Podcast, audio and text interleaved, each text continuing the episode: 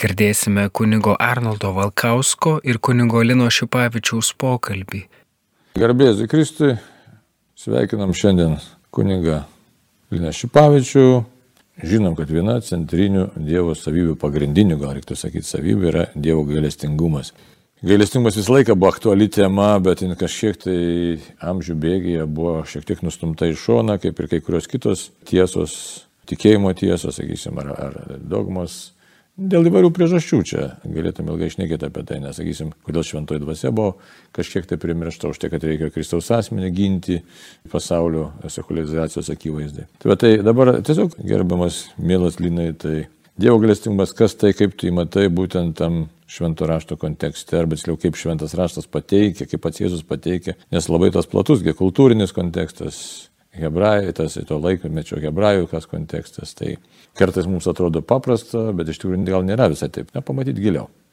Kada kalbam apie Dievo gailestingumą, tai iš karto mums ta pagrindinė scena, kuri šventame rašte pristatoma, tai yra sunaus palaidūno scena, kur tėvas grįžtant į sūnų iš toli pamato, pats pribėga, parpuola ant kaklo, pabučiuoja, viską atleidžia. Tai mes šiandieną pabandysime būtent žvelgti į sūnų palaidūną, į sūnaus palaidūno istoriją, į konkrečias, sakykime, eilutes, konkrečias vietas, bet norint suprasti Luko Evangelijos pasakojimą, mes iš tikrųjų turėtume pažvelgti bendrais bruožais apie Luko Evangeliją. Kas jisai per autorius, kokia iš tikrųjų atkeliavimo iki mūsų laikų seka, kuo skiriasi Luko Evangelija, sakykime, nuo sinoptinių evangelijų arba, sakykime, netgi nuo Jono evangelijos, o kuo yra panašios ir taip toliau, taip toliau. Kai mes pasižiūrėsime tuos bendrus bruožus Luko evangelijos, mes labiau suprasime iš tikrųjų ir tą pasakojimą apie sūnų palaidūną. Tai pačioje pradžioje galbūt pakalbame bendrais bruožais, kas tai yra ta Luko evangelija. Arba iš vis gal žmonės kai kurie gal net nežino, kas tai yra iš vis evangelija. Tai visų pirma, tai yra pasakojimas apie Jėzaus Kristaus gyvenimą. Tai yra pasakojimas apie Jėzaus Kristaus gyvenimą, kuriame atsispindi jausmo. Kitais žodžiais, Evangelija tai yra tokia knyga, kuri atsako klausimą, kas yra Jėzus. Jeigu tokiais labai jau trumpais žodžiais ir iš tikrųjų to literatūrinio žanro, kaip Evangelija autorius, tai visi dabar vieningai savo, kad tai yra evangelistas Morkus, nes jisai parašė pirmasis Evangeliją ir jisai sukūrė kaip literatūrinį žanrą, būtent kaip Evangelija, tai Jėzaus Kristaus gyvenimas, būtent kokiais 64-67 metai. Na ir aišku. Įdomu, atsiprašau, aš dar keletą reiktų tik patikslinti dalykų, jeigu tai pradėjai kalbėti plačiai. Tai Evangelija tai ką, geroji naujiena, graikiškai. Reikšmė, taip, geroji naujiena. Tokia. O kas čia per žanras, tai vienas dalykas. Ir dar man užkliuvo kitas žodis, pavartoju žodį sinoptinės. Tai kiek tų sinoptinės? Trys yra Trys. sinoptikai, taip. Tai va, ir, o ką tai reiškia sinapsis? Tai yra bendros kažkokios, tai sakykime, bruožai, panašumai, galima taip sakyti. Tai mato Evangelija Morkaus ir Luko, jos vadinasi sinoptinėmis, kadangi jos yra savo pasakojimus labai panašios. Jos statė savo pasakojimus, modeliuojant jau, sakykime, na, Morkus turėjo galbūt ten tą žodinę tradiciją šaltinį kų ir ten, e, tarkime, dar ten kažkokiu keletą šaltinių, iš kurių jisai jau parašė Evangeliją. Ir paskui, sakykime, Matas ir Lukas jau modeliavo imdamas morkų ir turėdamas taip pat šalia tam tikrą žodinį šaltinį. Ir dėl to, sakykime, vat, Lukas yra labai iš tikrųjų įdomus. Aišku, ir Morkus įdomus, ir Matas, bet kažkaip tai, kas liečia sinopsę, tai labiausiai įdomus arba labiausiai kelia tokių dalykų, tai būtent Lukas. Aišku, mes žinom, kad komentarų iš egzegetų, kad jis, kas buvo Pauliaus palidovas. Palidovas ir buvo. Ir gydytojas graikas, buvo, graikas, gydytojas. Pagonis, aišku, iš, iš tikrųjų. Pačioje pradžioje taip. Nu, tai gerai tada, tai kaip mes galim pamatyti, kodėl jis mums čia galėtų atskleisti galbūt daugiau Jėzaus asmenį ir Dievo tą. Visų pirma, gal pasižiūrėkime į tokį istoriškumą, kad tarkime, na mes žinome, kad Evangelijos buvo parašytos iki šimtųjų metų, taip sakoma. Nu, Morkaus Evangelija datuojama 64-67 metai, Mato Evangelija datuojama apie 70 metus, Luko apie 80 ir Jono Evangelija ir Apokalipsė yra apie šimtosius metus. Ir dabar, tarkime, yra tam tikri autoriai, kaip pavyzdžiui Papijas, kuris apie 120 metus mini, kad buvo trys Evangelijos - Mato Evangelija, Morkaus ir Jono. Tačiau pas papiją mes nesutinkame, pavyzdžiui, Luko Evangelijos. Pirmoje antro amžiaus pusėje nieks necituoja Luko Evangelijos. Ir tik tai pirmą kartą e, fragmente moratorio apie 155 metus yra paminėta Luko Evangelija. Tai čia va irgi toksai, nu, truputėlį toks kabliukas, kad nors ta Evangelija, jinai buvo parašyta apie 800 metus, bet vis dėlto jinai buvo skaitoma tik tai tam e, būry žmonių arba toje grupėje žmonių, o tarkime jau Mata, Morkur ir Jonas skaitė visą bažnyčią. Platesnėje bendruomenėje. Ir iš to pačio laikmečio esti Markijono kanonas, kuriame yra sutrumpinta Evangelija pagal Luką apie 160 metus. Šis gnostikas atmetė visas Seno testamento knygas, o iš Naujo testamento pripažino tik Evangeliją pagal Luką ir apaštalo Pauliaus dešimt laiškų. Tai vat tas pirmas ir antro amžiaus, sakykime, tas lūžis, mes matome, kad dviejose fragmentuose yra kalbama apie Luko Evangeliją. Tačiau jau antrame amžiuje jau Luko Evangelija buvo labai vertinama Romoje.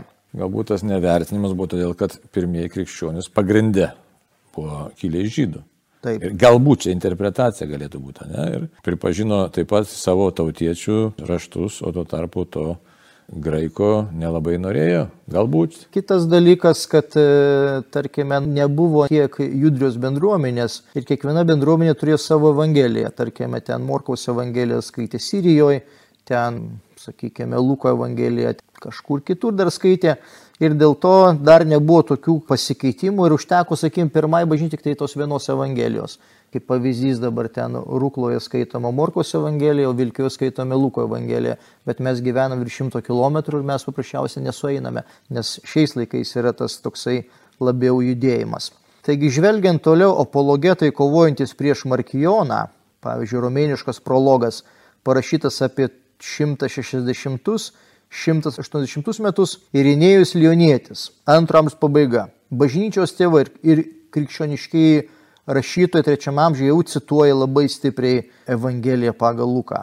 Tai jau praktiškai nuo 160 metų Irinėjus ir kiti bažnyčios tėvai, taip pat Justinas, kuris rašo pirmąją apologiją, Tacijanas Disesarionė taip pat cituoja būtent Luko Evangeliją. Luko Evangelija buvo pripažinta Romoje o iš ten pasklido į kitas krikščionių bendruomenės vakarų Europoje ir Mažoje Azijoje. Romoje buvo išsaugoti seniausi Luko Evangelijos rankrašiai. Ir atkreipkime dėmesį, kad rytam kaip Roma patvirtina, kad čia tik ta tikra Evangelija ar ne, kad tai nėra kažkokia tai gnostinė, kad tai nėra kelianti tam tikrų klaidų, iš karto paslinta Evangelija po visą, sakykime, Romos imperiją.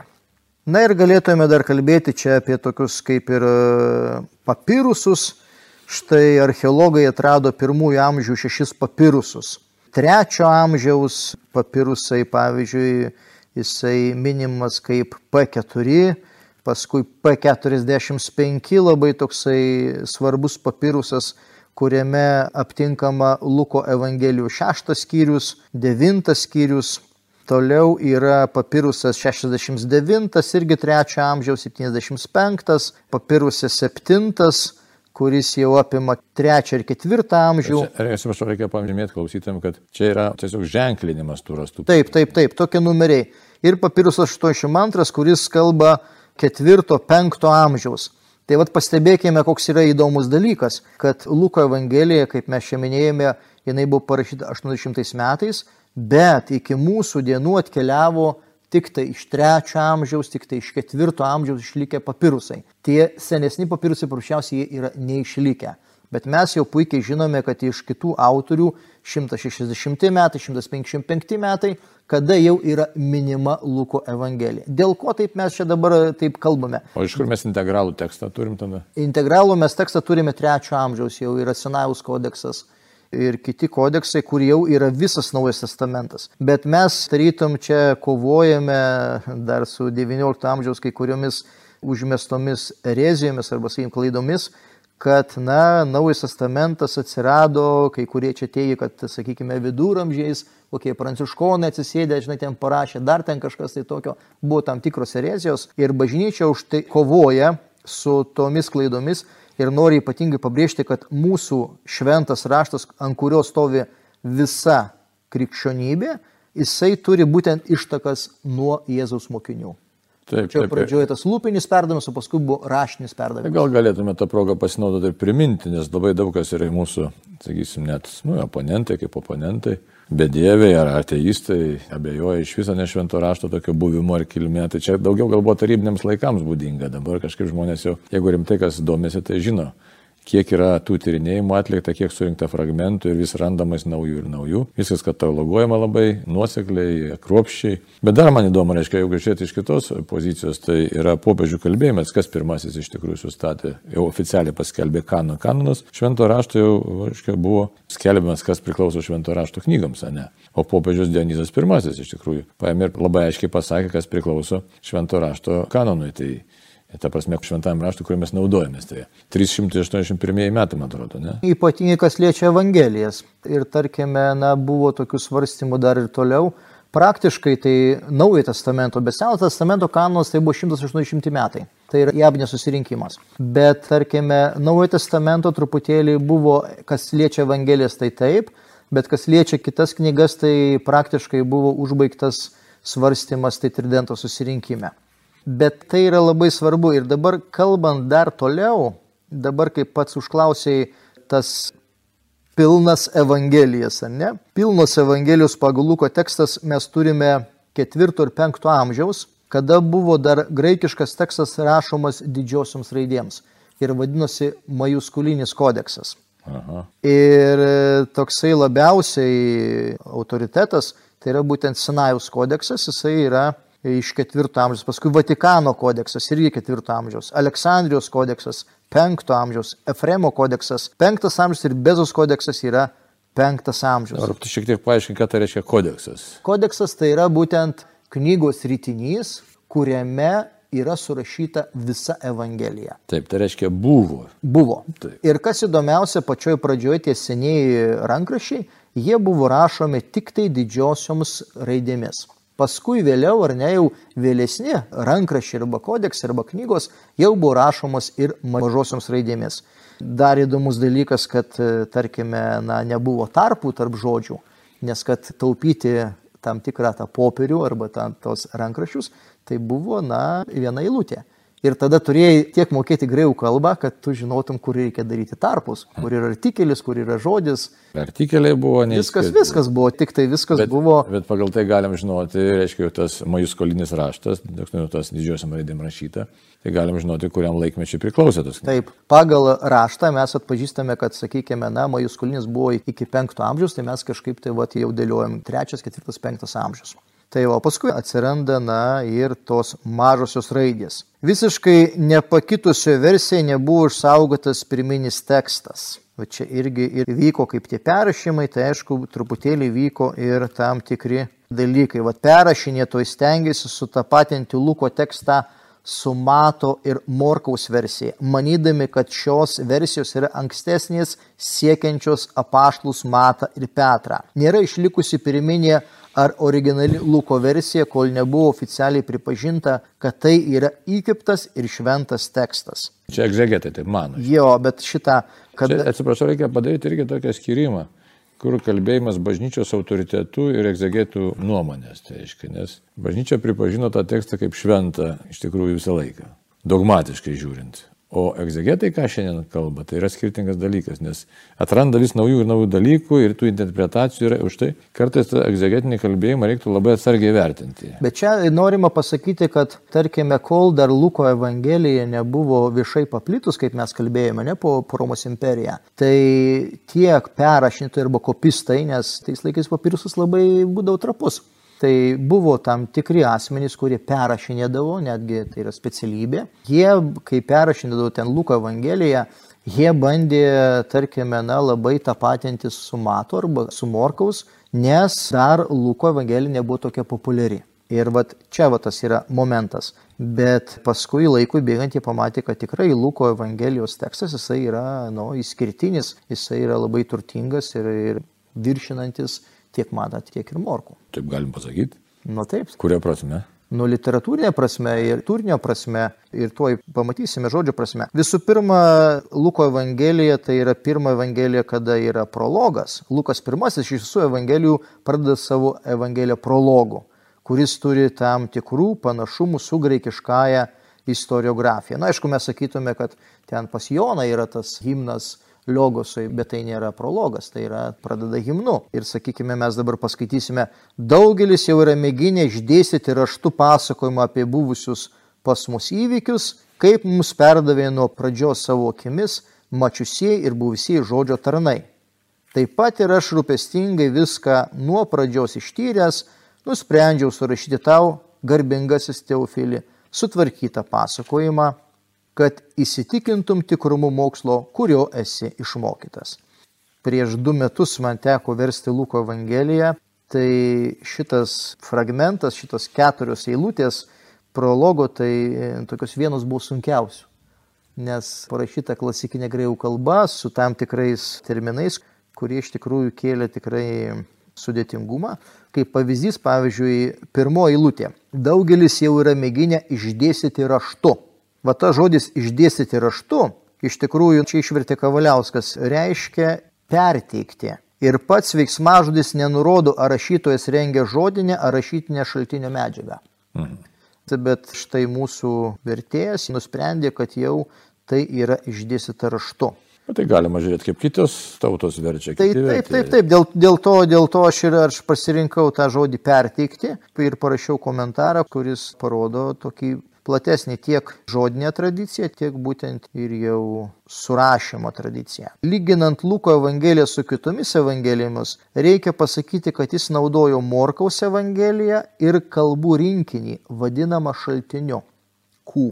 Yra tokia teorija, iš tikrųjų tai neišlikęs tas šaltinis kų, mm. nes tik tai čia dabar egzegetai, čia mokslininkai mėtosi šitą formą, kad va, žinai, vokiečiai čia tokia pametė idėją, kad yra kvelė vokiškai, tai yra šaltinis, dėl to žymimas didžiai raidė Q, kalbų rinkinys, bet jisai iš tikrųjų buvo taip dirbtinai suformuotas, išimant iš Luko Evangelijos tam tikrus fragmentus ir jisai buvo toksai sudėliotas, bet iš tikrųjų tai jisai yra, kaip sakoma, toksai...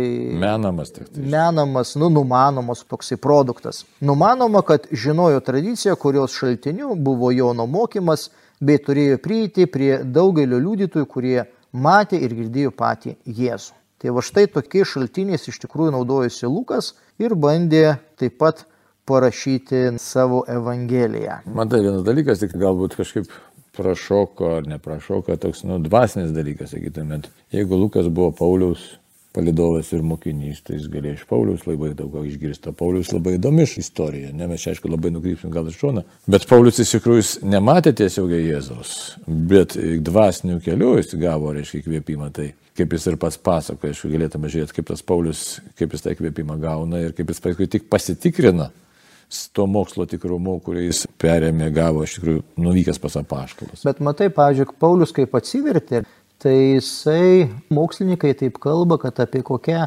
9-11 metų jisai grįžo į savo gimtąjį Tarsą miestą Taip. ir jisai, suprantate, jau pradėjo bendradarbiauti arba kalbėti su tais pirmais krikščionimis ir klausyti visų katechezijų. Tai buvo pirmas toksai jo prisilietimas prie krikščionybės, tai išgirsti iš kitų. O paskui, kada jisai pradėjo daryti jau savo keliones, po kiekvienos kelionės grįždavo į Jeruzalę ir tarytum atiduodavo nu, tą ataskaitą apaštalams ten, Jeruzalėje esantiems. Ir tada jisai jau turėjo tą tiesioginį santykį su apaštalais. Tai Pauliaus istorija yra du prisilietimai. Tai yra pirmieji krikščionys, kur buvo Tarso mieste, ir būtent Jeruzalės krikščionys, kuriems vadovavo apaštalai. Taip, bet mes galim sakyti, kad jisai tame santykėje būtent su Luku ir Lukas iš jo Taip. galėjo daug ką perimti, tiesiog iš jo žodinio pasakojimo, buvimo kartu. Gerai, tai mes tada ką dabar? Toliau kalbame dar taip bendrai apie Luko Evangeliją ir čia būtų aišku galima truputėlį ir pasižiūrėti į Morkaus, kas yra panašumai, kas yra skirtumai. Vienu svarbiausių šaltinių Luko Evangelijai buvo Morkaus Evangelija. Lukas išlaiko Morkaus Evangelijos bendrą struktūrą. Krikštas, viešosios veiklos pradžia Galilėjoje, minijos entuzijazmas, farizyjų rašto aiškintųjų nusivylimas, apsireiškimas mokiniams, kelionė į Jeruzalę, įžengimas į Jeruzalę, Jėzų šventykloje, paskutinė vakarienė, pascha, suimimas, nukryžiavimas ir mirtis ir prisikėlimas. Tai va šitas tokius pagrindinius gyvenimiškus Jėzus momentus Lukas iš tikrųjų išlaiko semdamasis Morkos Evangeliją. Prie šios struktūros iš ir kitų šaltinių Lukas prideda vaikystės Evangeliją. Pirmas ir antras skyrius, ne? Mhm. Tai pas kitus nėra. Po prisikėlimo dvi yra Kristofanijos, ar ne? Tai yra du Kristaus apsireiškimai. Iš Morkaus 661 eilutės Lukas pasiima 350 eilučių. Tai reiškia, kad beveik pusę Morkaus Evangelijos, ar ne, mes surandame. Tai pasiima ar perpasakoja, kaip čia galima. Galima sakyti, kad Atliep, per, perpasakoja. Atliep. Nes nėra taip, kad kaip mes dabar pripratę kopijuojame ar ne ir paskui įdedame į tekstą. Bet čia labai įdomus dalykas, tarp kitų, matai, Morkus nebuvo svetimas, reikia žinoti šitą, nebūtinai reikia žiūrėti taip literališkai ir kaip čia pasakyti, kad vien tik tai tokia raštijos prasme. Petras ir Morkus buvo tampriai susiję, bet prieš tai iš tikrųjų Mor... Morkus buvo Mor... Petro mokinys. Taip, taip, bet jisai buvo, jo vardas koks dar buvo, Jonas. Ja? Jo, Morkus Jonas. Ir jisai keliavo taip pat ir su Pauliumi. Taip. Mes tik nežinom, ar Paulius ir Lukas ir, ir Morkus, ar jie tuo pačiu metu visi trys buvo, ar nebuvo, kaip ten buvo. Bet reikia manyti, kad jie taip pačiai terpiai sukosi bendravo, nes paskui Paulius kažkiek buvo sukonfliktavęs su Morkumi, ne kažkiek ten vienu momentu. Buvo tas dalykas. Taip. Ir paskui kažkaip jau liktai, nors nėra to, šiek tiek atsispindi tenai, bet paskui jau manoma, ne tikriausiai, kad daugiau su Petru Morkus ten bendravo. Taip, taip. Bet tam kontekste Lukas irgi sukasi taip, kad čia, kodėl aš tai kalbu, kad nereiktų žiūrėti turbūt į Luką kažkaip neigiamai, kad jisai... Ne, ne, ne, Lukas rašė ir jisai, pažiūrėjau, jisai norėjo parašyti ne tai, kad naujai, bet kažkaip savo pusės, savo to požiūrį tą vat, Jėzaus istoriją. Ir jisai už tai, pažiūrėjau, aklai nekopijuoja Morkaus, ne, jisai jo Morkos Evangelija. Tikslingai tai jo, daro. jau Morkos Evangelija buvo žinoma. Jau skaitė ten viena bendruomenė, kita bendruomenė ir Lukas tai turėjo po ranka. Bet jisai norėjo dar kažkaip tai gal aiškiau, plačiau, nes Morkos Evangelija buvo tokia labai paprasta. Jisai jau norėjo parašyti tą graikišką tokią su to visų patosu. Na ir žiūrėkime, kokie yra pokyčiai Luko Evangelijoje. Dėl teologinių priežasčių Lukas pakeičia Evangelijos perikopių seką. Kas tai būtų perikopus? Gal dabar neakcentuosime, bet jisai pakeičia, sako, gal čia paskui prisiliesime prie to. Iš Morkaus teksto praleidžia kai kurias aplinkybių smulkmenas. Lukas praleidžia aprašymus ir diskusijas apie žydišką tradiciją, kuri yra svetima jo skaitytojai. Nes tai yra kontekstas būtent pagonims nėra žinomas. Lukas praleidžia prašymus, kuriuose yra žiaurios scenos. Lukas praleidžia, sutrumpina arba modifikuoja pastraipos, kurios parodo žmogiškus Jėzaus jausmus. Lukas jau daro Jėzų, kaip sakoma, na, Dievą. Tiksliau, jis nori parodyti Jėzaus dievystę. Mes jisai labiau akcentuoja Jėzaus dievystę nei Jėzaus žmogystę, ne? Kai kada pakeičia arba papildo Morkaus Evangeliją, kad stipriau pabrėžtų Jėzaus autoritetą, atgamtinę žinias bei dievišką galę. Kiekvienoje perikopėje atlieka įvairius pakitimus Morkaus žodynė ir stiliuje. Tačiau Jėzaus žodžius Lukas tengiasi perduoti ištikimai pagal tradiciją. Vat vis dėlto, žinai, tas vat, Jėzus pasakyti žodžiai, jie yra jau įpsisima verba Christi, ne, kaip čia Patys Jėzaus teologai patys, svarbiausia arba patys tikriausiai Jėzus žodžiai, įpsisima verba Christi. Tai, tai ką tada? Apibendrint, ką galim pasakyti? Tai Lukas visų pirma yra išganimo istorijos teologas. Jisai į pirmą vietą pastato išganimą. Kad Jėzus yra išganytojas ir kad Jėzus yra tas, kuris kentėdamas ant kryžiaus iš tikrųjų išganė visą žmoniją.